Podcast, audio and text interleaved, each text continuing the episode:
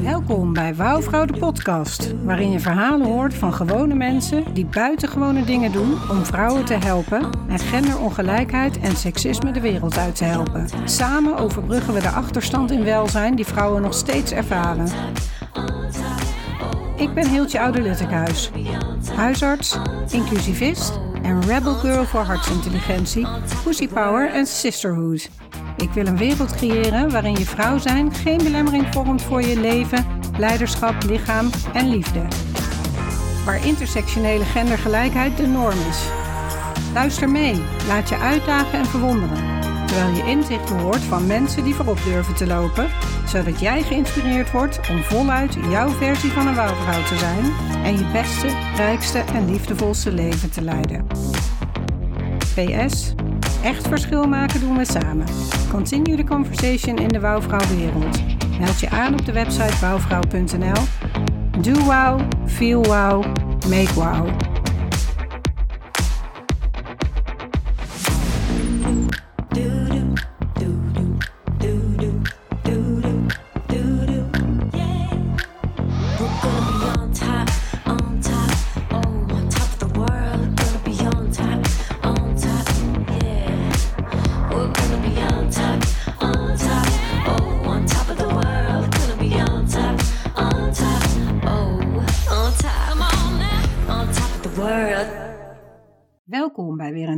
Aflevering van Wouwvrouw de podcast. Vandaag in de studio Lidwien Poorthuis. Zij studeerde Franse taal en cultuur en bestuur en organisatiewetenschappen aan de Universiteit van Utrecht. En tijdelijk in Frankrijk aan de Universiteit van Avignon. Zij startte haar loopbaan als bruggenbouwer tussen Frankrijk en Nederland in het hoger onderwijs en de wetenschap en zette zich in voor het verstevigen van de bilaterale betrekkingen tussen deze landen.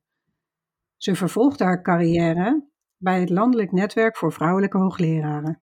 Inmiddels leidt zij deze organisatie al tien jaar en zet ze zich in voor een evenredige vertegenwoordiging van vrouwen en een verbetering van de positie van vrouwen in de wetenschap.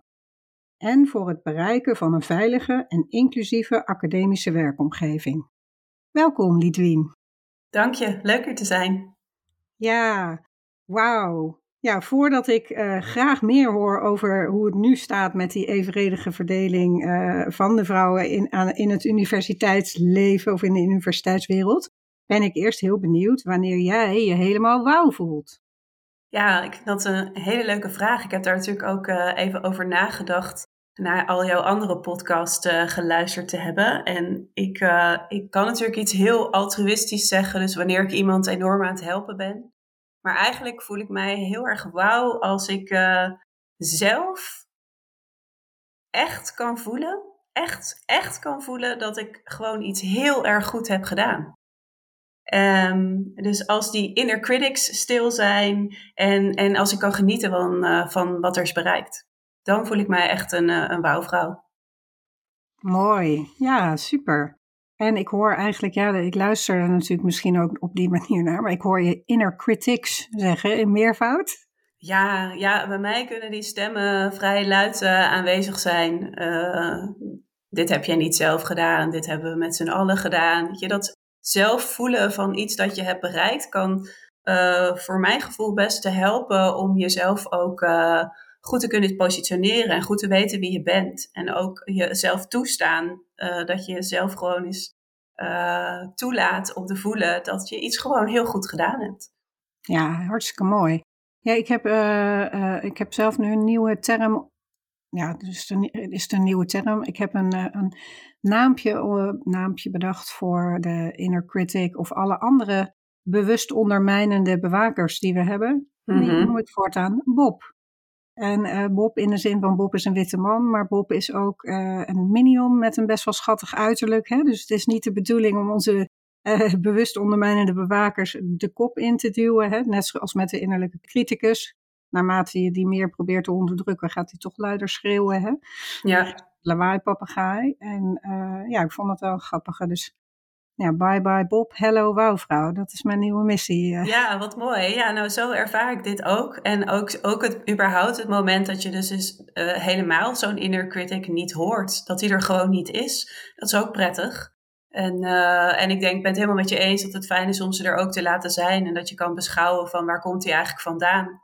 Ik merk bij mezelf heel erg dat eh, hoe, hoe ouder ik word, eh, hoe, eh, hoe beter je ook in staat bent om dat te kunnen. Omdat je gewoon je beter kan verhouden tot waar al die stemmen vandaan komen. Dat is heel waardevol. Ja, mooi dat je dat zo zegt. En ik denk ook wel, ik weet niet of het inderdaad samenhangt met het ouder worden, maar ook met er meer over te leren. En daarom is het denk ik goed dat we dat hier ook delen in de podcast. Ehm, dat je eh, het gaat herkennen als zijnde van het is niet van mij. Want heel veel mensen, en in het algemeen, want het is niet zo dat vrouwen alleen een innerlijke critic hebben, maar dat je eh, vaak denkt dat het je eigen stem is geworden. En in sommige gevallen voelt het ook alsof die je wel heeft geholpen, want vaak heeft hij je aangezwengeld om iets wel te doen. Uh, maar het kan ook met veel minder stress. Dat, ja, precies. ja. Nou, en een ander punt daarin is het vieren van onze dingen die we goed gedaan hebben en bereikt hebben. Dat is niet iets wat we in deze cultuur meekrijgen. Ik weet niet hoe dat in Frankrijk is, weet je dat? In Frankrijk zijn ze uiteraard goed in groots vieren. Het is daar voor mijn gevoel altijd wel eerder uh, vieren van omstandigheden dan vieren van eigen prestaties. Dus je begrijpt wat ik bedoel. Dus het is daar wat minder verbonden met, uh, met jezelf maar eerder met de context en heel erg uh, ja, nog de output gedreven, noem ik het maar heel even. En ik denk dat het verschil is met wat ik net noemde, dat ik me een wauwvrouw voel als ik dus zelf, zelf voel dat ik het goed heb gedaan. In plaats van dat anderen tegen jou zeggen, wat goed gedaan. Wat ook prettig is, natuurlijk. Uh, alleen soms kan het echt uh, ja, bijna louterend werken als je dat gevoel hebt zelf. En dat ook kan toestaan dat je iets goed hebt gedaan. Um, ja, en, en terug naar Frankrijk. Ik, ik denk dat er wel culturele verschillen zijn tussen Frankrijk en Nederland op dat gebied. maar dat het op zich een land is dat heel goed in staat is om stil te staan bij dingen. Hè, ook in relatie tot het verleden. Ze zijn goed in vieren. Ze zijn goed in met elkaar de tijd nemen voor dingen. Ik herinner mij nog uh, eindeloze, maar dan in de goede zin van het woord, lunches uh, met onze partners daar, waar er echt de tijd werd genomen om van het eten te genieten, maar ondertussen ook uh, met elkaar van gedachten te wisselen buiten de setting van het werk om. Heel waardevol. Dus ik denk dat ze daar zeker goed in staat zijn om dingen, om dingen te vieren en stil te staan bij dingen. En dingen te waarderen voor wat ze zijn. Ja.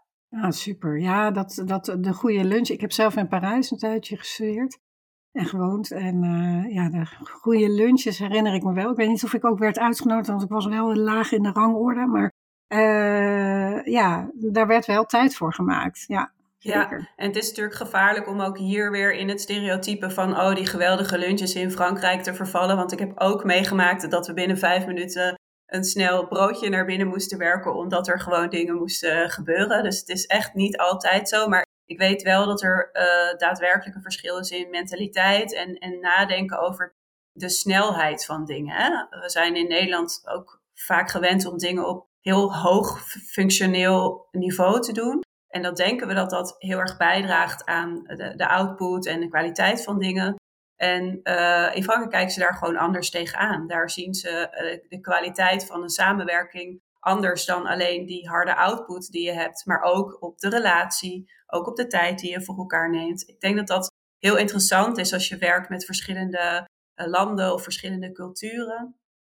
dat, je, dat je kan leren van hoe, hoe beschouwen we eigenlijk wanneer iets succesvol is.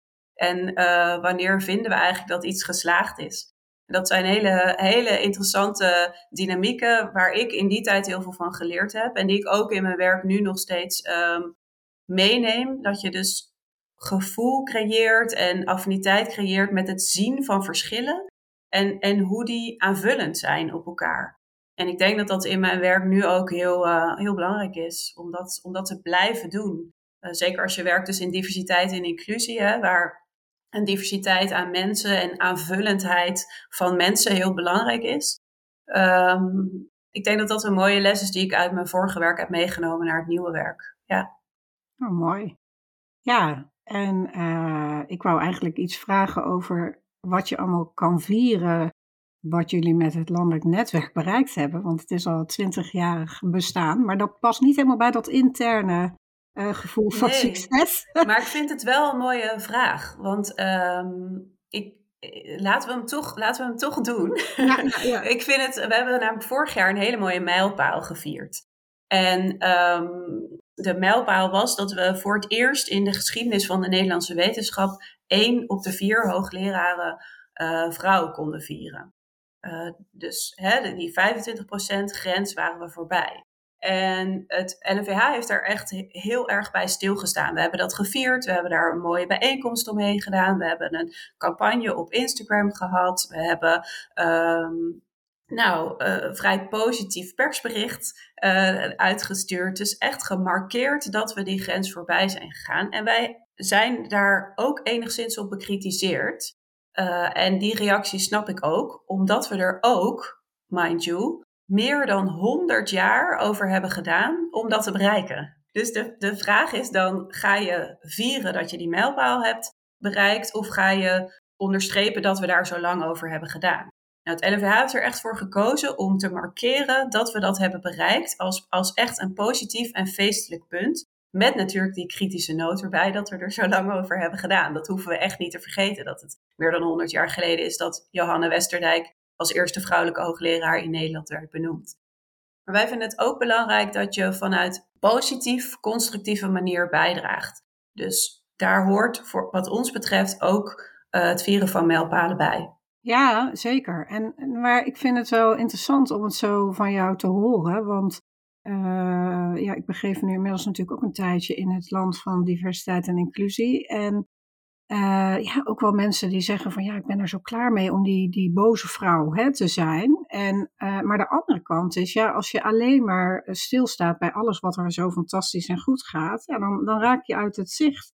Hè, want ik had op een gegeven moment ook van ja, het is inclusiviteit voor alles en iedereen. Ja, dat vind ik ook nog steeds. Maar als je het zo breed maakt, dat is vaak een valkuil, hè, dan, dan weet niemand meer waar je het eigenlijk over had.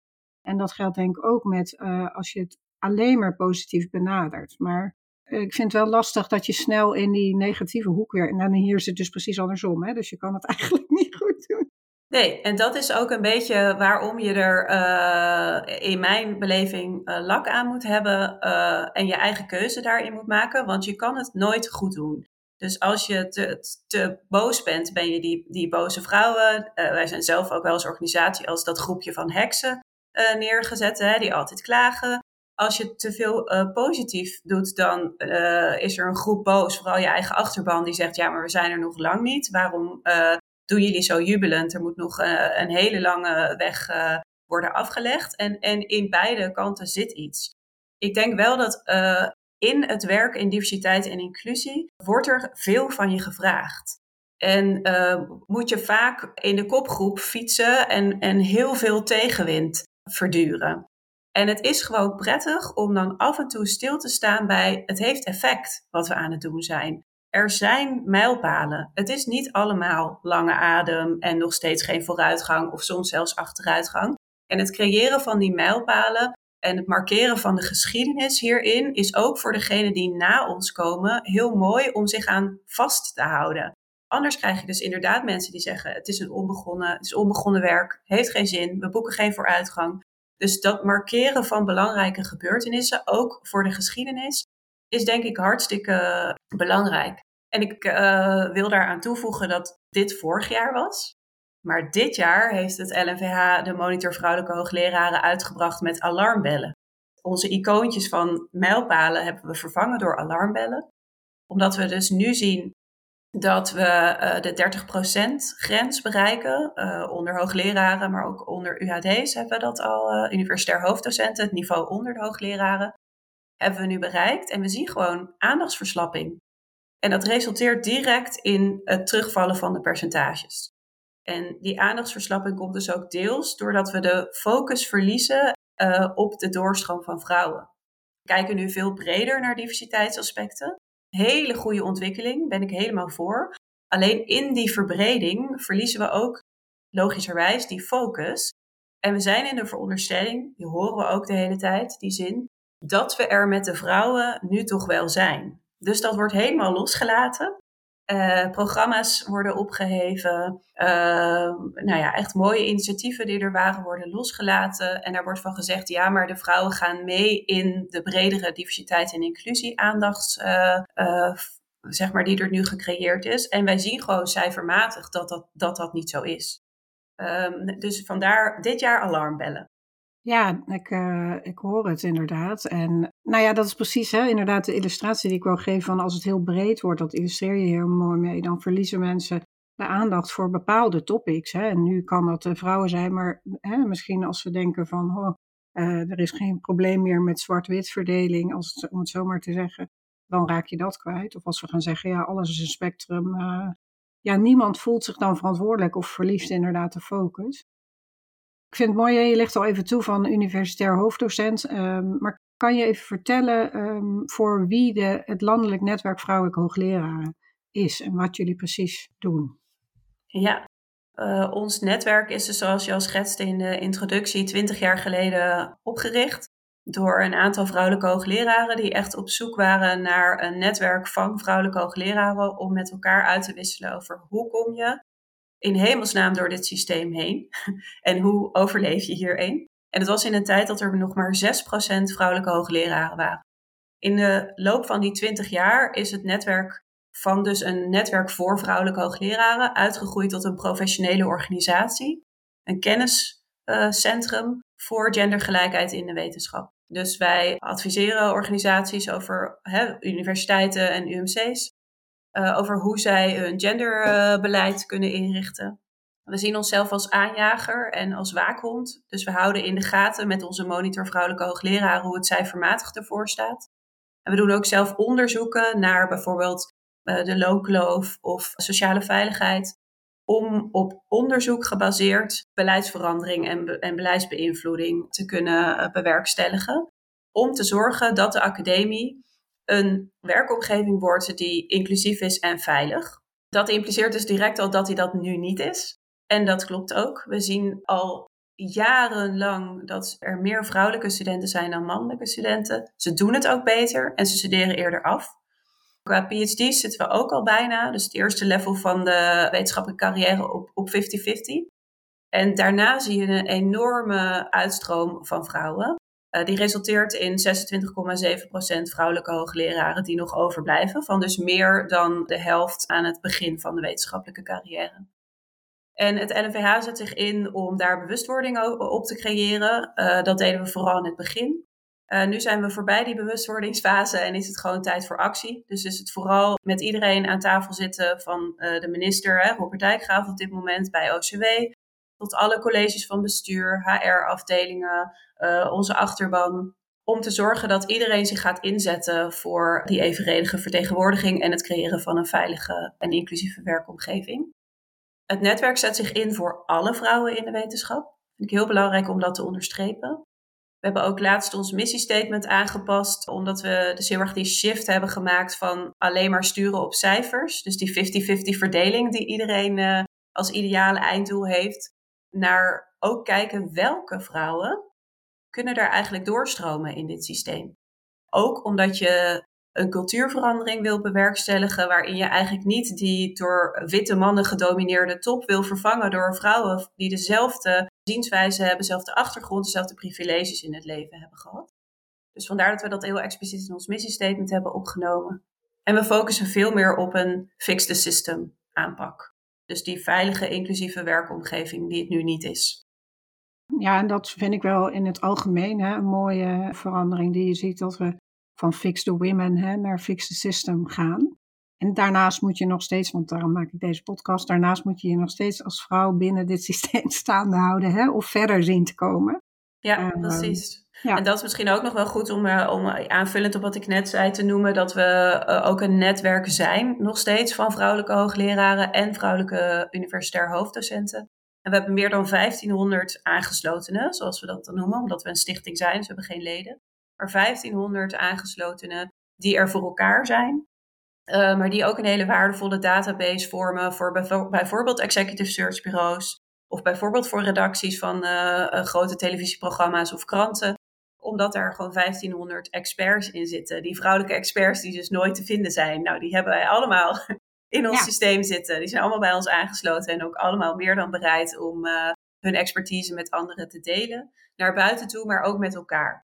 Wij willen graag als netwerk ook zorgen dat de mensen die dus al gepokt en gemazeld zijn in het systeem er zijn voor de jongere wetenschappers. We hebben een heel mooi mentor-mentee systeem, waar uh, de, de, wat meer advanced career vrouwelijke wetenschappers de jonge wetenschappers ondersteunen in het maken van keuzes in dit systeem om toch dat systeem uh, te overleven. Ja, ja, mooi. Ja, en dat zag ik ook op de website. Hè. Die, die zal ik natuurlijk in de afleveringspagina van deze podcast ook linken. Hè. Um, daar zag ik ook inderdaad dat je echt kan zoeken op expert. Mocht je in de media werken en iemand nodig hebben. Of misschien dat je zelf denkt, oh, ik ben op zoek naar iemand in mijn vakgebied. Dus kijk daar ook. En ik zag ook dat de campagne van vorig jaar ook terug te vinden is met hele mooie interviews en verhalen. Um, dus absoluut de moeite waard natuurlijk om te kijken bij het uh, Landelijk Netwerk voor Vrouwelijke Hoogleraren als jij in de academie werkt of een uh, baan daarin ambieert. Um, ja, ik twijfel nu van wat ga ik nu vragen. In de zin van, ik wil heel graag weten hoe jij nu zo bij het uh, landelijk netwerk terecht bent gekomen. Hè, vanuit de, de, de brug tussen Frankrijk en Nederland. En ik ben ook heel benieuwd naar of je iets kan vertellen over die uitstroom van vrouwen, wat daar, waar dat aan ligt. Dus aan jou de keuze, welke eerst? Ja, ik uh, zal beginnen met uh, het eerste, de eerste vraag. Uh, een, een gekke stap van de Frans-Nederlandse betrekkingen naar het verbeteren van de positie van vrouwen in de wetenschap. Um, toen ik nog werkte voor de Frans-Nederlandse Academie, waar ik eerst werkte, zat er in onze wetenschappelijke raad een vrouwelijke hoogleraar. En bij het LNVH waren ze op zoek naar iemand die het LNVH een goede doorstart. Ze noemden toen nieuw elan kon geven. En uh, die vrouwelijke hoogleraar die bij ons in de wetenschappelijke raad zat, die zei, uh, ja, dat is echt iets voor Lidwien. Lidwien moet dat echt gaan doen. En uh, zij heeft mij toen gebeld en gevraagd, wil jij daarvoor solliciteren? Ik vind dat jij dat moet doen en ik wil je ook aandragen bij de commissie. Die ging over die benoemingsprocedure daar daar met alle plezier en liefde ook uh, referent voor jou zijn en jou daar aanbevelen. En ik ben op dit thema heel intrinsiek altijd al gemotiveerd geweest, maar ik denk ook dat mijn competenties in het bouwen van bruggen, mensen bij elkaar brengen, mensen weten te mobiliseren, van iets kleins iets groters en zichtbaars maken. Dus precies wat ze nodig hadden in deze organisatie, dat dat, dat heel waardevol was. En ik vond het heel bijzonder dat dus zo'n vrouwelijke hoogleraar, die in principe niks voor mij zou hoeven doen, dat ziet en daar ook iets mee doet. Dus zij is, is heel actief mijn sponsor geweest. En heeft mij daar dus ook aangedragen. Ik ben die hele procedure doorgegaan. Ik ben het geworden.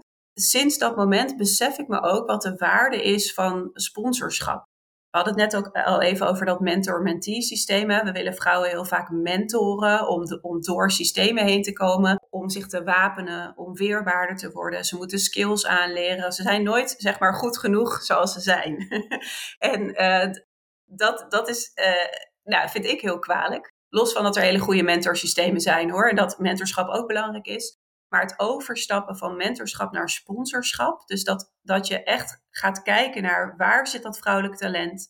Hoe kan ik zorgen dat ik mijn netwerk inzet voor haar? En zonder dat dat is vanuit een soort anders kan ze het zelf niet. Maar dit is hoe mannen het ook eeuwen hebben gedaan. Uh, hè? Dus het naar voren schuiven van je vriendjes uit je netwerk.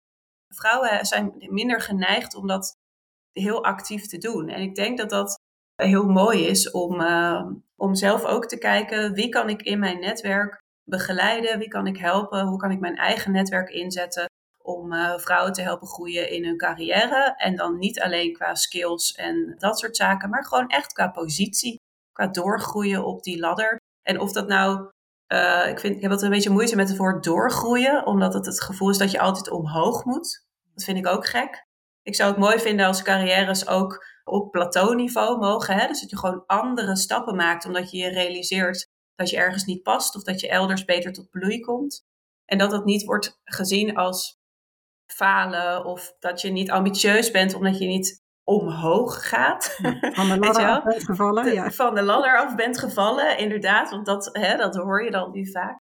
Dus ik zou dat, dat mooi vinden. En ik denk dat we voor elkaar als vrouwen, maar ook als, als, als mannen richting vrouwen en, en vrouwen in hooggeplaatste posities richting mannen, er op die manier uh, veel beter voor elkaar kunnen zijn.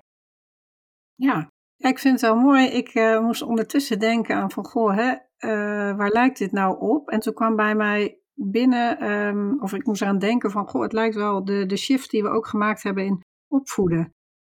Uh, nou ja, van kinderen of dieren, of hoe je het maar wil zien. Hè? Maar ja, dieren is misschien wat lastiger om die hun vrije loop te geven. Maar uh, als je kijkt van vroeger uit, hè, je moest heel strikt doen wat je ouders zeiden en dat volgen. En je mocht het alleen op hun manier doen. En ja, we, we hebben allebei kinderen wel over. Hè? Dus um, ja, ik probeer nu, maar dat vind ik soms ook wel lastig, dat je ze mee probeert te geven wat jij weet en kan, maar dat ze op hun eigen manier daar invulling aan mogen geven. Nou, ik heb net een kind op de middelbare school en die doet dat heel anders dan ik dat deed vroeger.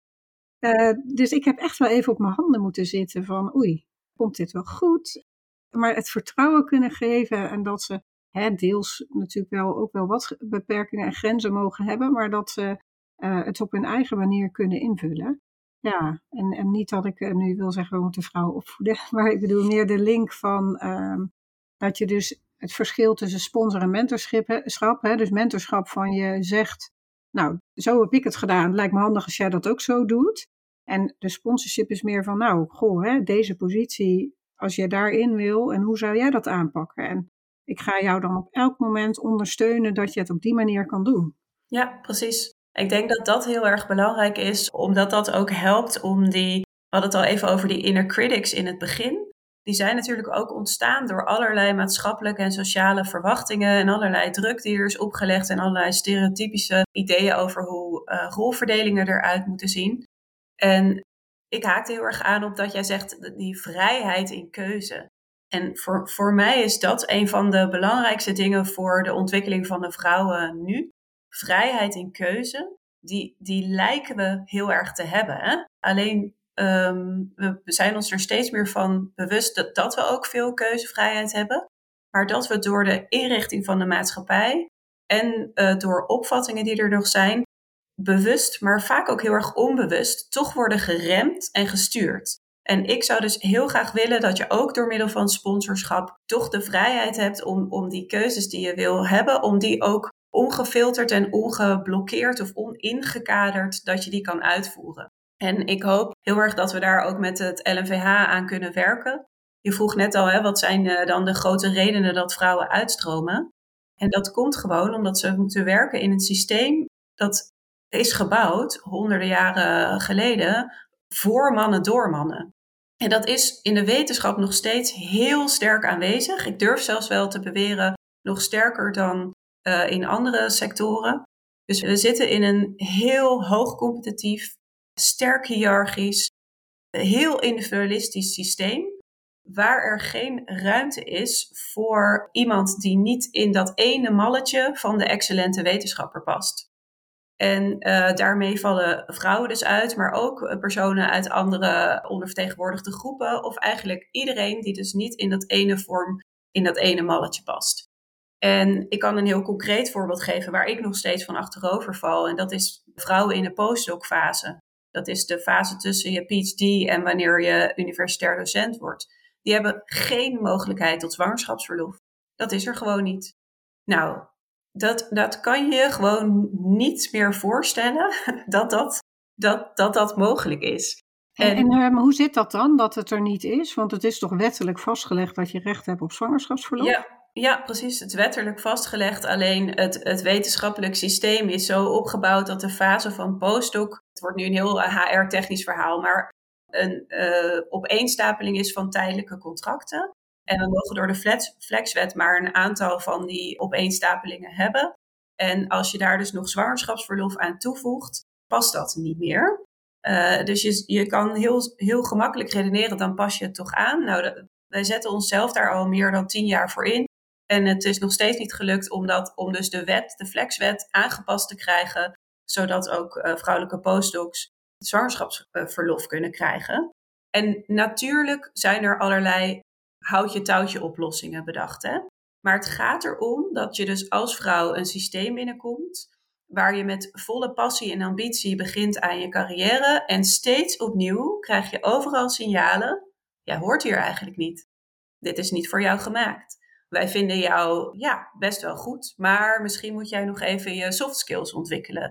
heel erg het similar to me effect zien we ook. Dus uh, de wetenschappers die nu in de top zitten, selecteren de wetenschappers die ze op hen vinden lijken. Dat wordt in de hand gewerkt doordat het nemen van risico's niet wordt gestimuleerd, omdat je in die hoogcompetitieve omgeving zit. Hè? Dus je, ja, het, moet gelijk uh, goed. En uh, het, is, het is dus nog steeds een omgeving die uh, wat dat betreft niet, niet inclusief is. We zien wel, en dat wil ik graag onderstrepen, echt veel pogingen tot verandering. Hè, dus uh, bias, vooroordelen in, in werving en selectie, daar wordt op gelet. Samenstelling van commissies wordt naar gekeken. Maar zolang we nog steeds in zo'n heel hoog competitief, uh, individualistisch, sterk hiërarchisch systeem werkzaam moeten zijn, waar er ook weinig uh, geld beschikbaar is. Hè? Dus er is heel veel competitie op het kunnen financieren van je eigen plek. En er dus ook een bepaald carrièrepad uh, moet worden doorlopen, omdat je anders niet wordt gezien als excellente wetenschapper. Zolang we dat hebben, zal het zijn dat echt niet alle talent, zoals nu beweerd wordt, tot bloei kan komen. Maar dat we heel veel vrouwen, voornamelijk vrouwen, verliezen. En dus heel veel wetenschappelijk talent verloren gaat. Ja. Ja, en daarom vroeg ik ernaar ook, omdat ja, het, je denkt dan van ja, hoezo dan? Wat een onzin, het is wettelijk vastgelegd. Hè? Maar die systemen die gaan soms zo diep. Ook inderdaad wat er impliciet verwacht wordt. Hè. Ik noem even als voorbeeld, als het niet klopt moet je het zeggen, maar dat voor sommige uh, studies of onderzoek ook verwacht wordt dat je even naar het buitenland gaat. Hè? Zeker. Voor een paar jaar ja. of iets. En, en daar zijn zeker vrouwen, maar ook mensen uit andere groepen die veel meer een familierol bijvoorbeeld moeten bekleden. Ja, die vallen daar dus uit, omdat die dat vaker niet kunnen of niet doen of niet willen ja, en ik heb ook wel eens gedacht van ja, dan moet je dat gewoon doen, hè, toen ik nog niet zo uh, ingelezen was als het ware. Maar ja, ik vind, ik vind het nogal wat dat we dat van iedereen maar verwachten. En het is dus eigenlijk gebaseerd op inderdaad dat ene malletje van de favoriete wetenschapper, of de excellente wetenschapper en ook de werkman, ja, man zeg ik al letterlijk, hè, maar de werkende persoon in het algemeen. Dat is vaak iemand die uh, geen taken of mogelijkheden of ambities thuis had, hè, want dat regelt iemand anders. En uh, ja, dat maakt dat je een achterstand hebt daarin. Ja. ja, precies. Als maatschappelijke ontwikkeling zien we natuurlijk steeds meer vrouwen op de arbeidsmarkt. Alleen wat we niet zien is dat de, het werk dat ze al lang deden, het onbetaalde werk, er nog steeds is. En dat de rolverdeling daarin, dat die blijft steken en dat zorgt voor ongelijkheid. En wat we ook zien is dat voorheen de mannen die werkzaam waren in de wetenschap vaak een faciliterende vrouw thuis hadden. Hè? Dus die ook werkte vaak, maar er dan was voor de kinderen. En als die persoon naar het buitenland moet, mee ging verhuizen, uh, tijdelijk de baan opzegt. Dat soort, uh, nou, er zijn allerlei onderzoeken en, en cijfers over. Alleen wat we nu zien is dat de vrouwen dus steeds meer aanwezig zijn in de wetenschap, maar niet die faciliterende persoon, man of vrouw, uh, thuis hebben. En dat zij dus al die taken moeten eh, gaan combineren. Bovendien, en, en dat vinden wij ook heel interessante dingen. Ik had het net al even over dat malletje waar je in past en hoe wij de excellente wetenschapper zien. Uh, wij zien dat mannen in de taken die ze toebedeeld krijgen of die ze zichzelf toe-eigenen, voornamelijk werk doen dat promotable work is. Dus werk waarop ze beoordeeld worden in het stijgen op de academische carrière ladder. Vrouwen zitten vaak in de functies of krijgen taken die er zijn om het fundament van de universiteit stevig te houden. Hè? Die laten de hele organisatie draaien. Die zijn er voor de studenten, die verzorgen het onderwijs, die zijn er voor collega's, die maken curricula, die ontwerpen hele uh, beleidslijnen, allerlei dingen waar je dus niet op beoordeeld wordt om, hè, om dus die promotie naar het volgende level te krijgen. En de interessante uh, switch die er nu gaande is in de wetenschap heet erkennen en waarderen. Dus eindelijk gaan we kijken naar welk werk wordt er eigenlijk gedaan en hoe waarderen we dat ook met het oog op carrièreperspectief. En dan wordt het dus interessant. Welk werk ga je nu zien als belangrijk om, om naar die top te komen? En, en hoe ziet ook de rol van leiderschap daarin uit? En hoe, hoe moet leiderschap eruit zien? We gaan veel meer toe naar team science bijvoorbeeld ook. Hè? Dus weg van dat individualistische, meer naar team science. En dan zullen sceptici zeggen, wetenschap is altijd al een, een team effort geweest. Hè? Nou, dat, dat is natuurlijk ook zo. Je kan het nooit alleen. Alleen het beoordelen van mensen is altijd op het individu gegaan. En ik denk dat we met dat erkennen en waarderen veel meer eh, ruimte gaan geven. Dus ook voor wat iedereen eh, bijdraagt aan, aan de academie. En dan moeten we daarbij oppassen dat we vrouwen niet alleen gaan beoordelen op, op al dat non-promotable work dat ze eerst deden, maar op wat ze leuk vinden om te doen en dat ze dat dan ook mogen doen. Hè? Want dat is natuurlijk ook weer de valkuil, dat, uh, dat vrouwen alleen maar het onderwijs mogen gaan doen. En omdat vrouwen nou eenmaal zo goed zijn in teamwerk, dat ze verantwoordelijk worden voor alle teams. Dus ook daar zit een valkuil. Maar ik denk dat de beweging van erkennen en waarderen, dus het loslaten van dat ene mannetje, heel veel gaat doen voor de doorstroom van vrouwen. Ja, ik vind het wel mooi dat je dat zo benoemt, hè, wat de valkuil dan is. En ook van ja, dat vrouwen dat doen, want ze zijn er zogenaamd nou eenmaal goed in. Hè, dus onderwijs geven en doen. Maar vaak zijn dat ook de dingen waar vrouwen van oudsher in mochten floreren. Hè? Dus en als voorbeeld wordt wel eens gezegd van vrouwen zijn veel beter in het zorgen voor de kinderen. En beter in opruimen. Maar er zijn gewoon onderzoeken die laten zien dat dat helemaal niet zo is. Maar Ja. het wordt verwacht en het is het bekende. En dat, dat maakt die cirkels hè, lastig om te doorbreken. Ja, dat is ook precies die vrije keus waar ik het net over Ja. had. Hè? Dat is dus geen vrije keus. Dat is allemaal bepaald door sociale normen en verwachtingspatronen en, en maatschappelijke kaders die we hebben gecreëerd. Dus dat is interessant. Als we dat met erkennen en waarderen zouden kunnen openbreken, zou dat echt heel mooi zijn. Ja, super. Waar gaat jouw hart sneller van kloppen? Een vaste rubriek in de podcast. Ja, waar gaat mijn hart sneller van kloppen? Nou, als dat werk gerelateerd is, dan is dat echt bijdragen aan verandering. Ik vind dat, daar gaat echt mijn hart sneller van kloppen. Eh, het feit dat je met je organisatie, maar ook met de mensen die je tegenkomt, bezig bent om te kijken naar hoe doen we dingen nu en wat klopt daar niet aan en hoe kunnen we met z'n allen zorgen dat eh, dat anders wordt. Ja, dat, ik vind dat fascinerend. Zowel om dat eh, te beschouwen als, als om daar onderdeel van te zijn. En eh, natuurlijk is het in het vak waarin ik zit eh, best lastig om, om verandering te zien, omdat het vrij lang duurt voordat iets verandert. En dan weet je ook nog niet helemaal zeker wat je eigen invloed daar nou precies op is geweest. Hè? Er zijn allerlei facetten, dus je wil je ook niet van alles toe-eigenen. Maar het, het, ik vind het echt heerlijk eh, qua gevoel. En, en ik haal daar echt mijn, mijn drive, mijn, mijn energie uit. Om te zien dat je dus aan het bouwen bent met mensen aan iets moois. En om anderen er, ervan eh, te overtuigen om ook op die trein van verandering te stappen. Ja, ik, daar gaat mijn hart echt eh, sneller van kloppen. Want, want wat brengt die verandering dan in jouw ogen? Want we hebben hem nu heel breed. Nou, als het gaat, als het gaat om mijn werk, draagt het hebben van meer vrouwen in de wetenschap gewoon bij aan de kwaliteit van wetenschap. Punt. En dat is, dat is waar ik me voor wil inzetten. We beweren als Nederland altijd hè, dat we een geweldig eh, land zijn van innovatie en in de top staan van wetenschapslanden. Maar als we niet zorgen dat inderdaad al dat talent dat we aan het begin uh, van die carrière ladder hebben doorstromen, dan, dan zijn we straks niet meer dat land. Dan missen we de boot. Dus voor mij gaat diversiteit en inclusie heel erg over hoe houden we de kwaliteit van wetenschap hoog. Mooi. Nou ja, ik heb het je meteen moeilijk gemaakt, maar eigenlijk is het simpel in de zin van dat ik twee woorden op jou afvuur. En dan wil horen welk van de twee, uh, ja, ik bedoel moeilijk gemaakt in, in een open, open vraagstelling. Maar ik wil ook graag weten, als ik jou twee keuzes voorleg, er zit een soort van vrijheid in, uh, maar het is een beetje polariserend, welk van de twee jouw hart sneller doet kloppen. Dus daar gaan we. Ja. Chocola en wijn. Oh, of moet ik zeggen. Ja, ik wou zeggen en, en uh, nee, zou mijn hart hebben, maar dat mag ik niet zeggen. Maar dan ga ik toch voor wijn, ja. Ja, oké. Okay. En uh, een boek of een podcast? Oh, een boek. Mannen of vrouwen? Vrouwen. Een kasteel of een camper? Een camper. Frankrijk of Nederland? Frankrijk. Angela Merkel of Jacinda Ardern? Oh, die vind ik echt heel moeilijk. Ik ga, ik ga toch voor Angela Merkel. Hmm. Quota of natuurlijke groei? Ja, ik zeg nu, waar we nu zitten, zeg ik quota. Het is gewoon nodig. Ja.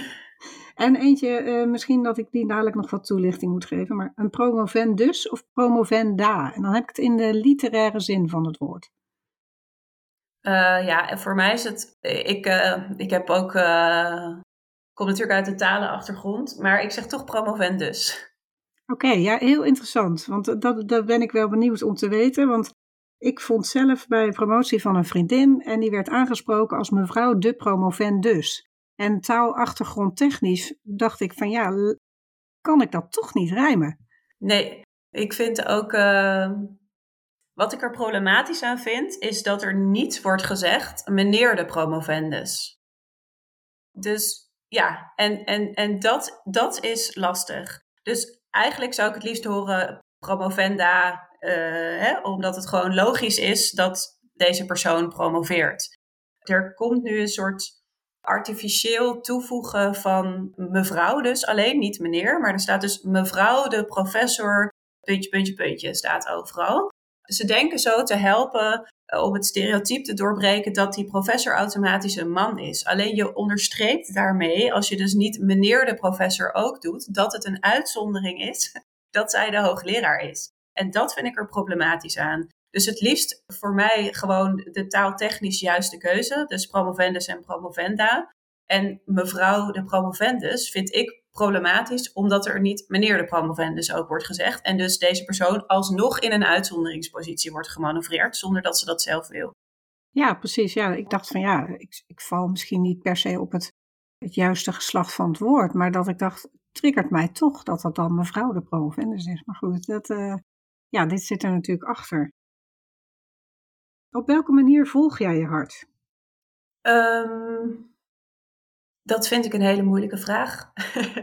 ik, uh, ik, ja, ik wou zeggen, ik luister er gewoon naar. Maar um, uh, ik denk dat ik wel, ook naarmate ik uh, langer in deze baan zit, bijvoorbeeld ook veel beter weet waar mijn hart sneller van gaat kloppen. Hè? Wat jij net ook al zei. En, en ook veel beter, en dat vind ik ook belangrijk voor alle vrouwen, maar eigenlijk voor iedereen, om heel goed te weten waar je hart niet sneller van gaat kloppen. Uh, en waar je vaak heel erg naartoe wordt geduwd, hè? omdat het er nog eenmaal bij hoort of omdat dat de verwachting is. En keuzes durven maken op basis van hier gaat mijn hart sneller van kloppen, uh, is denk ik heel belangrijk. Ik had laatst wel, uh, deed ik een interview met een vrouwelijke wetenschapper en die zei ook, het is helemaal oké als je geen droom hebt. Het is ook helemaal oké als je een tijd dingen doet waar je niet 100% mega gepassioneerd voor bent.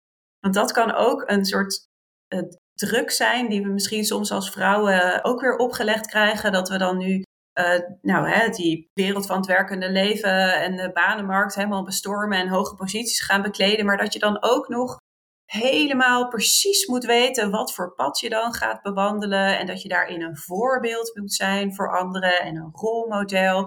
Dus we krijgen ook weer daarin, in dat vrouw zijn op bepaalde posities op de arbeidsmarkt, weer allerlei soort van extra taken omdat je een vrouw bent, omdat, je, uh, omdat dat nou eenmaal van je wordt verwacht. En ik denk dat het heel interessant is om, om daarin te kijken, wat wil ik daarin eigenlijk en wat vind ik daarin belangrijk? En, en die weg te kiezen.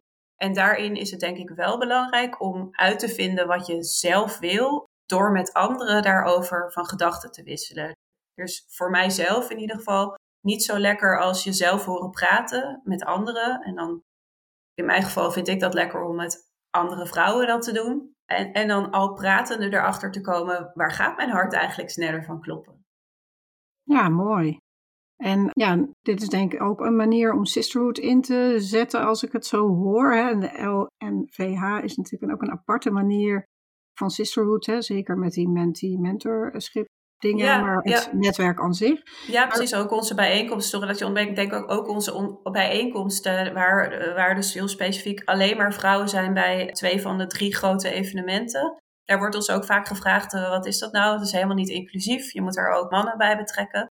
Maar wij merken dat nog steeds, zeker in zo'n wereld waar je ondervertegenwoordigd bent uh, en waar het niet vanzelfsprekend is om heel veilig te praten over keuzes die je wil gaan maken, omdat je daar of gelijk op afgerekend wordt of je uh, gezien wordt als anders, dat het heel belangrijk is om van die soort ja, safe spaces te creëren waarin je gewoon vrijelijk met anderen van gedachten kan wisselen over zorgen, maar ook over ambities, zonder dat je daar al uh, voordat je een stap hebt gezet uh, op afgerekend wordt. Ja, Ja, en ik vind dat een mooie om te benadrukken. Zolang het niet veilig is, hè, kan dat gewoon niet zo goed. Om, om het zeg maar volledig inclusief te maken, moet je inderdaad die safe space bieden. Ja, precies. En ik denk dat veiligheid, nou ja, het is natuurlijk nu uh, maatschappelijk gezien ook een heel groot onderwerp. Hè? Dus de, de veiligheid op de werkvloer uh, en, het, en het inperken of aangaan van ongewenst gedrag, uh, dat, dat is natuurlijk steeds meer een onderwerp.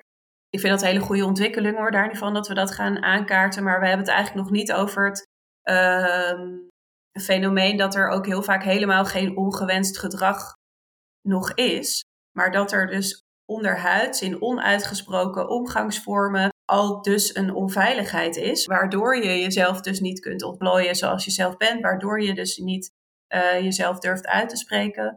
En ik denk dus vooral, en dat zijn echt die cultuuraspecten die we in de wetenschap heel veel zien, dat we daar nog echt een slag te slaan hebben als het gaat om, om veiligheid in de academie. En jezelf kunnen zijn en jezelf uiten en je ambities uiten zonder dat je daarop wordt uh, afgerekend. En ook kritiek uiten.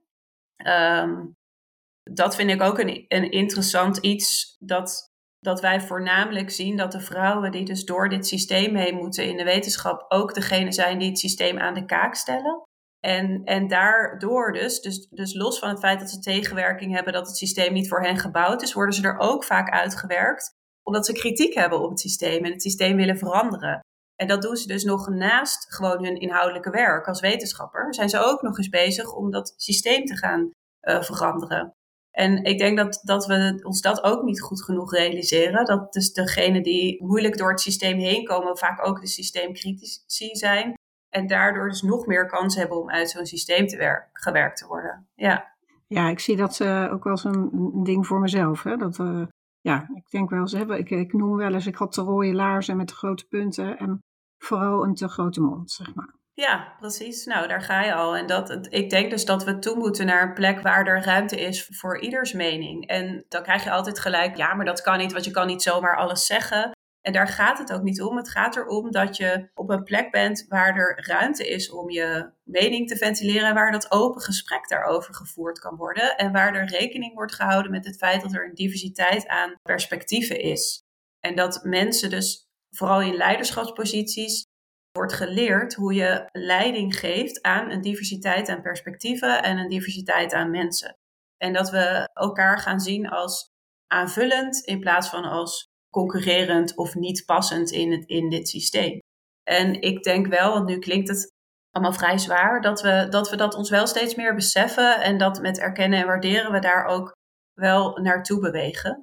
Dat laat uh, onverlet dat we nog steeds te maken hebben met allerlei vooroordelen die we hebben en allerlei ideeën over hoe kwaliteit eruit ziet. En dat zal niet van de een op de andere dag uh, anders zijn.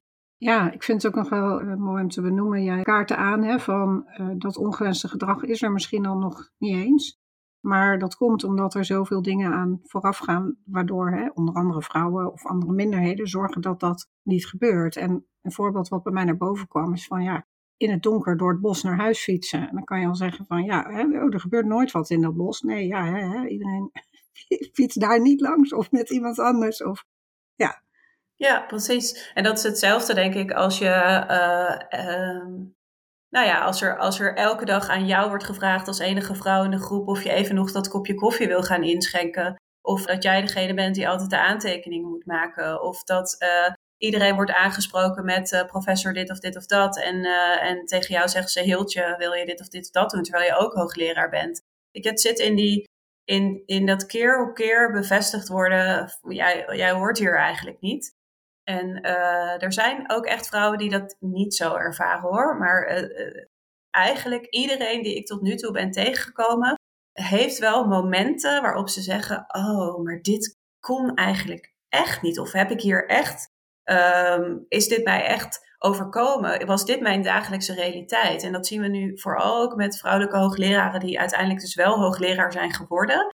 En die nu terugkijken op hun carrière en ineens allerlei momenten kunnen aanwijzen waarvan ze toen dachten, dit hoort er gewoon bij, dit is normaal, hè, hier moet ik even doorheen, dit heeft iedereen gehad. En die dus, dus nu denken, ja, maar dit, dit moeten we veranderen, dit moet anders. Ja, nee, dat, dat is ook inderdaad uh, een van de dingen die ik graag in mijn podcast wil belichten. In de zin van, zeker voor onze generatie en die daaronder, je bent gewend wat je gewend bent. Hè? Dus ik, ik herinner me inderdaad nog een discussie, nou ja, ja, een soort van discussie, maar ik was op een sollicitatiegesprek. Hè? Dus je moet even bedenken in welke positie ik zat. Dat tegen mij werd gezegd van, eh, ja, maar het is ook de taak van de vrouw om voor de kinderen te zorgen. En hebben het over het vakgebied kindergeneeskunde. Ja, dat je ergens wel voelt van, ja, het klopt niet helemaal. Ja, eh, als ik nu daar heel hard iets over ga zeggen, ja, dan krijg ik zeker de baan niet. Maar dat ik achteraf denk, jeetje, dat dat, en dan in de kindergeneeskunde gezegd eh, wordt, hè, van, huh, dat is de taak van de vrouw.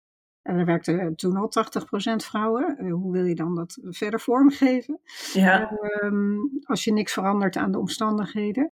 Maar ja, en wat een, ook een mooie is, als je dat nou bij jezelf niet herkent, eh, voor de luisteraars. Hè, dus als je denkt, ja, nee, bij mij is dat niet zo. Kijk dan eens om je heen. Want we zien het vaak voor een ander wel. Van, hé, hey, maar dat is toch niet normaal hoe die behandeld wordt. Of hè, die kleine dingen inderdaad. En ook nog belangrijk vind ik om te benoemen, ehm, dat is misschien een voorbeeld buiten eh, eh, bestek, hè, maar het feit puur dat bijvoorbeeld je telefoon gemiddeld genomen gewoon te groot is voor je hand, hè, omdat dat alleen is gedaan op een mannelijke testdummy of whatever.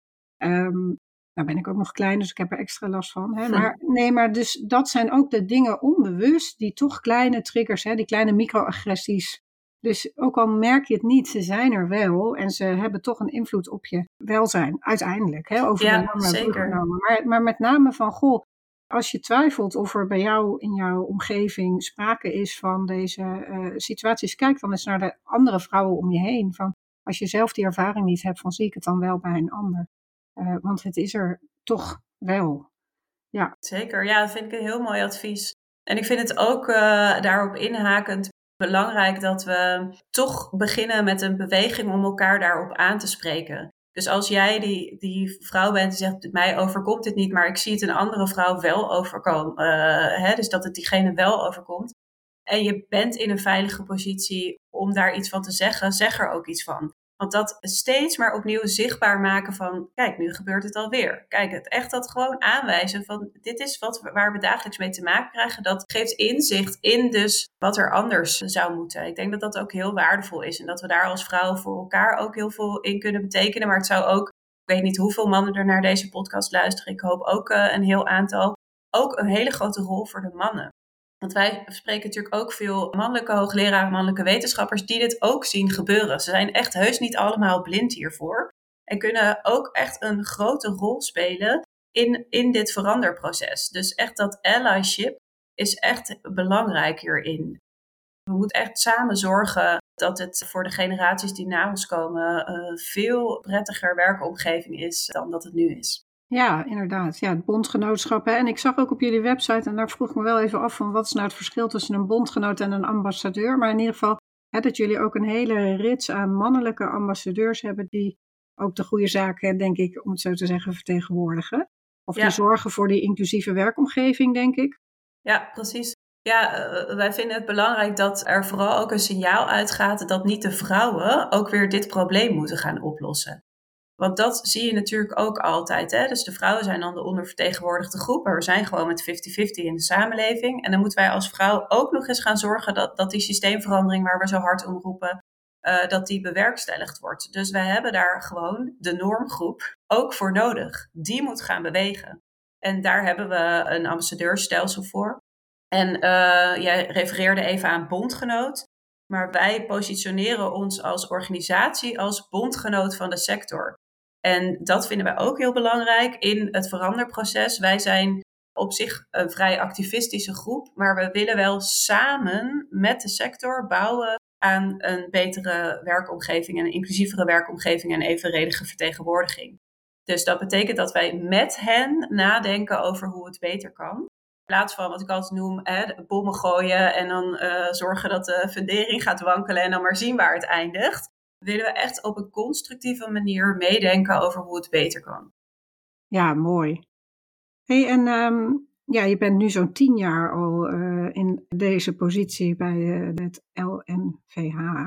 Maar als jij uh, jongere Lidwien een tip mocht geven van hè, 10, 15 jaar geleden, welke tip zou je zelf dan geven? Ja, voor mij zou dat heel erg zijn, laat je niet intimideren door hiërarchie. Ik weet dat ik in het begin daar, omdat we natuurlijk altijd aan tafel zitten met een college van bestuur, uh, met de ministers, we zitten hoog in de boom. Maar vertrouw op je expertise en wie je zelf bent. Jij weet meer van bepaalde onderwerpen dan degene tegenover jou aan de tafel. En die heeft misschien qua senioriteit een andere positie of weer eigen kennis. Maar ga uit van die aanvullendheid en, en van het feit dat jij ook iets kan brengen. En, en laat je dus niet intimideren door de hiërarchische structuren die we altijd, nou ja, waar we gewoon last van hebben nog steeds, die de maatschappij bepalen en die ook bepalen of jij wel of niet iets mag zeggen, bijvoorbeeld. En uh, in het begin merkte ik, dus 10, 15 jaar geleden, dat ik mij daar nog wel eens door liet tegenhouden. Want ik dacht, hè, wie ben ik? En uh, goh, ik zit daar tegenover zo'n, uh, nou, hoogleraar ten eerste al, of uh, voorzitter van het college van bestuur, of een rector magnificus. En, en nu besef ik, ja, dat zijn, dat zijn ook allemaal gewoon mensen. Die maken ook, zij maken ook fouten, zij hebben ook verantwoordelijkheden. Zij willen eigenlijk ook gewoon graag leren van jou. Dus vaar op je, op je intuïtie, hè, op je mensenkennis, maar heb lak aan die, aan die hiërarchie. Zonder, je hoeft niet respectloos te worden, hè, daar gaat het helemaal niet om. Maar wel die hiërarchie doorbreken en vertrouw op wat jij komt brengen. Ja, super. Um, toch nog even terug naar Sisterhood. Hoe geef jij dat in je eigen leven vorm naast je werk? Nou, eigenlijk op, op allerlei verschillende manieren. Ik ben zelf natuurlijk ook leidinggevende van een team van vrouwen. Dus ik probeer in mijn eigen leiderschap ook heel erg sisterhood te tonen en dus dat sponsorship uh, uh, heel erg door te voeren. Wij hebben ook een groep van vrouwen, uh, allerlei, allemaal moeders hier uit de buurt, met wie we van allerlei dingen delen. Met wie we leuke dingen voor onszelf organiseren. Dus ik, er zit een hele rode draad in mijn leven van uh, het bijeenbrengen van vrouwen, het elkaar ondersteunen, het ook kritisch zijn naar elkaar. Ik denk dat uh, we dat soms vergeten. Hè? Een sisterhood moet altijd, lijkt heel erg uh, een soort van lief te moeten zijn, maar ik denk dat we ook best wel veel aan elkaar hebben als we gewoon heel eerlijk naar elkaar mogen zijn. En van mening mogen verschillen ook. Ik vind zelf lastig dat we in een maatschappij leven met veel social media en veel hele directe uh, uitspraken en meningen. Iedereen mag overal maar wat van vinden, maar het is vaak niet vanuit, uh, vanuit dat kritisch bondgenootschap, noem ik dat dan maar weer even. Hè? Dus, dus wel het samen zijn, maar toch ook ja, kritisch op elkaar mogen zijn. En ik denk dat ik een hele fijne groep van vrouwen om me heen heb verzameld die dat wel naar elkaar durft te zijn. En uh, ja, dat eigenlijk dat sisterhood, wat, wat het dan ook, uh, ja, iedereen heeft een eigen opvatting van wat sisterhood is. Maar voor mij is dat dus heel erg er voor elkaar zijn. En of dat nou is uh, of je iemand even helpt met het opvangen van de kinderen, omdat ze zelf een hele belangrijke goal hebben. Of uh, dat het is iemand naar een andere baan coachen. Ja, dat maakt voor mij niet zoveel uit. Ja, mooi. Nou, ik wil dus juist al die, die mooie visies op sisterhood verzamelen. Ja, leuk. Ja. En maken jullie wel eens een dansje? Um, nou, toevallig was ik laatst op een, uh, op een uh, bijeenkomst van allerlei wetenschappers in de Gender Hub in, uh, in Nijmegen. En daar werd echt gedanst. Ook in werksetting. En dat was voor mij de eerste keer. En dat vond ik echt een, een soort verademing. Dus na een hele lange dag van allerlei inhoudelijke uitwisselingen en heel vrij zware onderwerpen natuurlijk ook, werd de dag afgesloten met een echt een geweldige DJ en werd er gedanst. Dat was heerlijk. Dus ik vond dat, uh, vond dat heel leuk. Dus ja, we dansen wel eens. Ik zelf moet zeggen, dans niet vaak genoeg. Uh, we dansen wel in de woonkamer met onze kinderen, uh, dat wel. Maar echt weer dat ouderwetse dansen, dat doe ik niet vaak genoeg. Maar dat dansen in Nijmegen staat me echt nog bij als een heerlijke afsluiting van zo'n inhoudelijke dag. Ja, ik vind het super mooi dat je dat deelt, want eigenlijk is dat ook wel mijn achterliggende idee met de Sisterhood Dance Break Spotify list. Ik heb dat vanuit uh, ja, de, de opleidingen en business trainingen die ik heb gedaan. Uh, misschien dat het gewoon ook uit Amerika over moet waaien, dat weet ik niet. Maar hè, dat je bijvoorbeeld gewoon eigenlijk een één minuut dansparty even tussendoor doet in je pauze. En daarom ben ik dus een, een lijst met uh, toffe dansnummers aan het verzamelen de Sisterhood Dance Break Spotify list heb ik hem genoemd. Zodat je de keuze kan maken. Dus niet per se alleen maar met je kinderen in de woonkamer, maar ook gewoon op het werk met collega's. Even, want echt dansen is ook een manier om je eh, zenuwstelsel echt even weer te ontladen, te deescaleren. Ehm, en ik wou vragen wat jouw bijdrage is voor deze lijst. Ja, ik, ik vond dat ook weer een hele moeilijke keuze. eh, maar ik wilde toch, ik kwam toch uit bij Alors on van Stromae. Ja, leuk. Eh, omdat, ja, precies. Ik kan daar helemaal los op gaan. En ik, ik vond het heerlijk dat er weer een Franstalige zanger in de mainstream muziek kwam ineens. En daar ging mijn Franse hart eh, toch weer ietsje harder van kloppen. En eh, ik vind hem ook een hele gave artiest die ook allerlei ehm, opvattingen over hoe je eruit zou moeten zien als artiest en hoe je je zou moeten gedragen aan, aan de kaak stelt. Dus dat, eh, ik vind hem sowieso heel inspirerend. En het is dus een Franse tekst. Het is gewoon een heel lekker nummer. ja, dus- lachen. Ja, Nou, ik moest heel erg lachen, want hij ging meteen in mijn hoofd zitten. En, eh, maar de grap is, als tegenhanger had ik al in de lijst gezet. En ik dans. oh ja. Gewoon compleet een tegenovergestelde nummer waarvan eh, de vriendinnen van K3, zeg maar. Maar ik vond het wel grappig, de, de Nederlands-Frankrijk ding. Ja, En, heel leuk. eh, de- als je goed naar die tekst luistert, is het heel mooi eh, wat jij ook benoemde van jouw ervaring in Nijmegen. Maar, hè, en ik dans en nou, hoe- dat je op die manier ook door het leven kan gaan. Ja, precies. En, en ook een, ehm, een afwisseling, inderdaad, wat jij dus ook al zegt. Hè, dus dat, je, dat er veel zware dingen zijn en veel dingen die je bezig kunnen houden, vooral ook in je hoofd. En alors on danse is dus, dus laten we gewoon dansen, of dans dan maar. Je kan hem op allerlei manieren waar je dan ook maar de klemtoon legt inzetten. En dat, dat vind ik het, het mooie überhaupt aan, aan dansen natuurlijk. Ik denk ook dat we in de Nederlandse maatschappij misschien gewoon te weinig dansen. En eh, dat we echt eh, hoofdmensen zijn. Ik bedoel, ik werk natuurlijk helemaal in een wereld waarin het hoofd en output en nadenken heel erg van belang zijn. En iedereen is eigenlijk een beetje het contact kwijt met eh, gevoel, gedrag en dansen. Dus misschien eh, zou ook het uh, adagium moeten zijn dat er gewoon wat meer gedanst uh, moet worden. en dan natuurlijk helemaal daar eens. wel weer bij zeggen dat dat allemaal in veilige omgevingen moet. Want ik zie het ook alweer helemaal uit de hand lopen natuurlijk. Ja, nee, het mag op je eigen manier. En als je ja. aan de zijkant wil blijven staan, mag, mag dat ook. Ja, precies. ja. Hey, um, hoe ziet je het werk of jouw bijdrage met de LNVH er denk je uit over een jaar of vijf? Uh, nou, ik denk dat we dan echt een stuk verder zijn met het, het, het loslaten van die hele cijfermatige benadering. En uh, dat we veel meer bezig zijn met wie stroomt er eigenlijk door naar welke plekken. En dat gaat dus echt iets betekenen voor leiderschap. Dus ik verwacht dat leiderschap er heel anders uit zal zien over vijf jaar in de academie dan nu. En dat we veel bewuster kiezen wie we in leiderschapsrollen plaatsen. En een veel beter beeld hebben bij hoe we dan vinden dat dat leiderschap eruit moet zien. En dat gaat ook voor de vrouwen in leiderschapsposities uh, veel betekenen. Ja, super. En overal, hè, um, wat hoop je of wens je dat er over vijf tot tien jaar anders is voor vrouwen en meisjes in de wereld? Ja, ik denk dat dat raakt aan wat we eerder ook al even um, hebben besproken. Voor mij gaat het echt om die vrije keuze, maar dan echt een vrije keuze. Dus dat, dat je hem kan uitkristalliseren uh, zonder die barrières. Ofwel die interne barrières, ofwel die letterlijke barrières die je worden opgeworpen door uh, het feit dat je je kinderen maar drie keer, naar de, drie keer per week naar de crash kan brengen, bij wijze van spreken. Dus ik, ja, ik zou dat echt willen. Dus zonder die, die sociale normen die we hebben, dat je gewoon vrij de keuze kan maken. En dat dat dus niet per se hoeft te zijn dat alle vrouwen per se fulltime moeten werken. Zoals nu ook de overheid zo uh, vreselijk van ons vraagt. Hè? Wil ja. je meer werken? Laat het merken. Nou, echt, ik denk dat alle feministen draaien zich om in het graf van de eerste. weet je wel, die hebben gebouwd aan uh, überhaupt kunnen werken.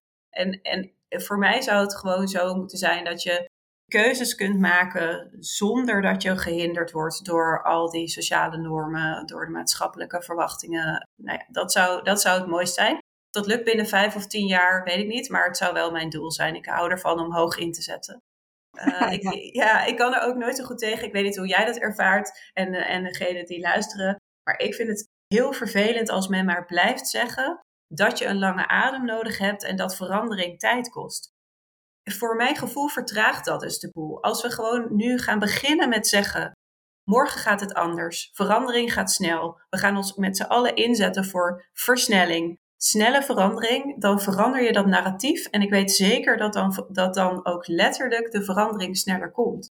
Ja, ik vind het wel grappig, want het is echt een verhaal. Hè? En ik eh, ben een boek aan het lezen over eigenlijk een, groot stuk geschiedenis in Nederland van de vrouw. Maar wat mij daar enorm in raakte, is dus al die grote stappen die er bijvoorbeeld geweest zijn. Hè? Dus eh, als voorbeeld kan ik daarvan noemen Corrie Tendelo, die dan, hè, eh, ik weet de wet even niet meer, maar dat je als getrouwde vrouw in ieder geval niet meer ineens al je bezittingsrechten kwijt bent. Ja, precies. Vervolgens wordt dat, dat was dus in 56, vervolgens wordt pas in 71 het wetboek aangepast. Hè? Dus ja, dus je bereikt iets, maar dan nog moet je nog een hele lange adem hebben voordat het daadwerkelijk geëffectueerd wordt. En hetzelfde gebeurde eigenlijk met het kiesrecht en dat wist ik niet. Dus ik, ja, ik sluit me helemaal erbij aan wat je zegt van, ik denk dat we na 100 jaar wel bewezen hebben dat het niet met de tijd komt.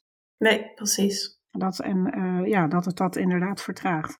En jouw wens van wat je anders hoopt kwam bij mij meteen naar boven. Ja, dat is natuurlijk mijn straatje. Dat je dus als de wouwvrouw kan leven die je al was. Hè, maar dat je die vrije keuze hebt om dat voor jezelf in te vullen. Hoe dat voor jou ook is. En dan ben ik wel nog benieuwd, want we hebben het dus over gehad over jouw speciale bijdrage. En de manier waarop jij een wouwvrouw bent en voorop loopt. Wat zou jij een goede definitie van een wouwvrouw vinden? Ik vind een wouwvrouw, als ik naar mezelf kijk, vind ik vooral iemand die, die vanuit dat wouwvrouw zijn anderen helpt om ook een wouwvrouw te zijn. Dus ik trigger altijd heel erg op dat coachend en dienend leiderschap. Ik heb er een beetje moeite mee dat, dat je nu tegenwoordig ook een powervrouw moet zijn en een wouwvrouw moet zijn en een rolmodel moet zijn. eh, En schaap met de vijf poten moet zijn ook. En ik zou graag een, een wouwvrouw zijn die andere vrouwen helpt te ontdekken waar zij precies wouwvrouw zijn. En dat zij dus niet op die hele waaier van alles wat je kan zijn, overal een wouwvrouw moeten zijn. Zo vermoeiend. Ik vind dat we dat ook los moeten laten in de vrouwen die we op een podium hijsen. Die kunnen vaak alles. Hè? Dat zeg ik ook vaak in praatjes die ik heb. In de wetenschap zetten we dan de Spinoza-winners, de, zeg maar de Nobelprijzen van de Nederlandse wetenschap hebben zij dan gehad. Ze hebben vier kinderen, ze lopen marathons, ze doen vrijwilligerswerk. Die zetten we op een podium en daarvan zeggen ze, dit, zo moet jij dit ook doen. Nou, ik zou als jonge vrouw echt zoiets hebben van, dat wil ik helemaal niet. Dus mijn wouwvrouw-rol zou heel graag, die zou ik willen invullen met juist helpen naar, wat vind jij belangrijk en waar wil jij een wouwvrouw in zijn? En laat je daarin niet bepalen door wat er van, je, van de maatschappij of van je omgeving of van je gezin wordt verwacht als zijn een wouwvrouw. Ja, mooi. En dus weer echt die vrije keuze. Vrije keus. Ik denk dat dat de rode draad is van Ja. deze eh, podcast. Eh, en dus waarschijnlijk ook voor mezelf vrij, vrije keuze daarin. En ook dat je je niet de hele tijd hoeft te verantwoorden voor waarom je die keuzes maakt. Maar dit zijn jouw keuzes en daarin ben je een wouwvrouw. En laat vooral niet dat wouwvrouw afpakken omdat iemand anders zegt: ja, maar jij loopt geen marathons. Of jij eh, hebt dit boek niet gelezen. Of eh, jij hebt die prijs in de wetenschap niet gehaald. Of jij uh, hebt een andere keuze gemaakt in je carrièreopbouw. Ja, laat je daar vooral niet je wouwvrouw uh, status door afpakken. Nee, zeker niet. Supermooi, dankjewel. Waar kunnen mensen de LNVH vinden? Je kan ons vinden online. We hebben een website www.lnvh.nl. Op Instagram hebben we ook een mooie pagina, at Beyond the Figures heet dat. Uh, daar kun je ons vinden. Op LinkedIn zijn we ook te vinden. Als je een landelijk netwerk vrouwelijke hoogleraren intoetst, kom je ons vanzelf tegen. Uh, je kan ook mij persoonlijk volgen op uh, LinkedIn. Ik deel daar ook voornamelijk dus alleen werkgerelateerde dingen. En ik wil heel graag onderstrepen dat ook al heten we landelijk netwerk vrouwelijke hoogleraren, dat kan de suggestie wekken dat we er alleen voor de hogere echelons van de wetenschap zijn. Maar we zijn er echt voor iedereen. Dus heb je een hulpvraag, zoek je steun, zoek je informatie, bel ons, mail ons en we helpen je graag verder. Ja, en wat ik nog mooi vind om daaraan toe te voegen, want dit gesprek is natuurlijk in het Nederlands, uh, maar misschien ken jij een collega en hoor je dit die niet Nederlands spreekt, maar de hele website van de LNVH is in het Engels en dan heet het dus ook Dutch Network of Women Professors. Precies, ja. ja dus dat wou ik nog even toevoegen. Ja, heel goed. Dat is, uh, want de wereld van de wetenschap is natuurlijk een hele internationale wereld. En we merken dat de vrouwen met een internationale achtergrond weer uh, tegen grotendeels dezelfde dingen aanlopen, maar ook heel specifieke vragen hebben. En daar kunnen ze ook voor bij ons terecht. Ja, dus help je collega als jij dit wel hoort en denkt van, oh ja, maar die weet daar nog niet van. Het is dus uh, heel toegankelijk voor mensen ook die niet Nederlands spreken. Dankjewel, Lidwien. Het was een, uh, een topgesprek. Ja, graag gedaan. Heel leuk. Ja.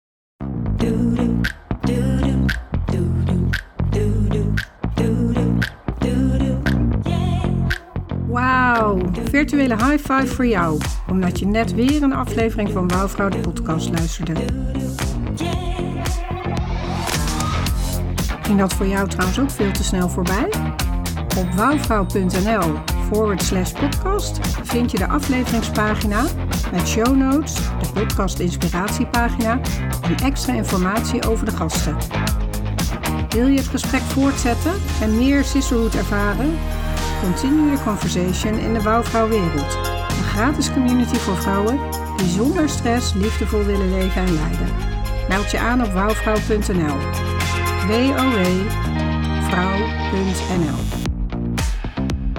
En als je direct sisterhood wil beoefenen, deel dan deze podcast en de community met elke vrouw in je leven. Om dingen te veranderen heb je mensen nodig die voorop durven te lopen. Mensen zoals jij. Hallo wonderlijke wouwvrouw. Vergeet niet dat je een prachtig mens bent. Bedankt voor het luisteren. Do well, feel well, make well.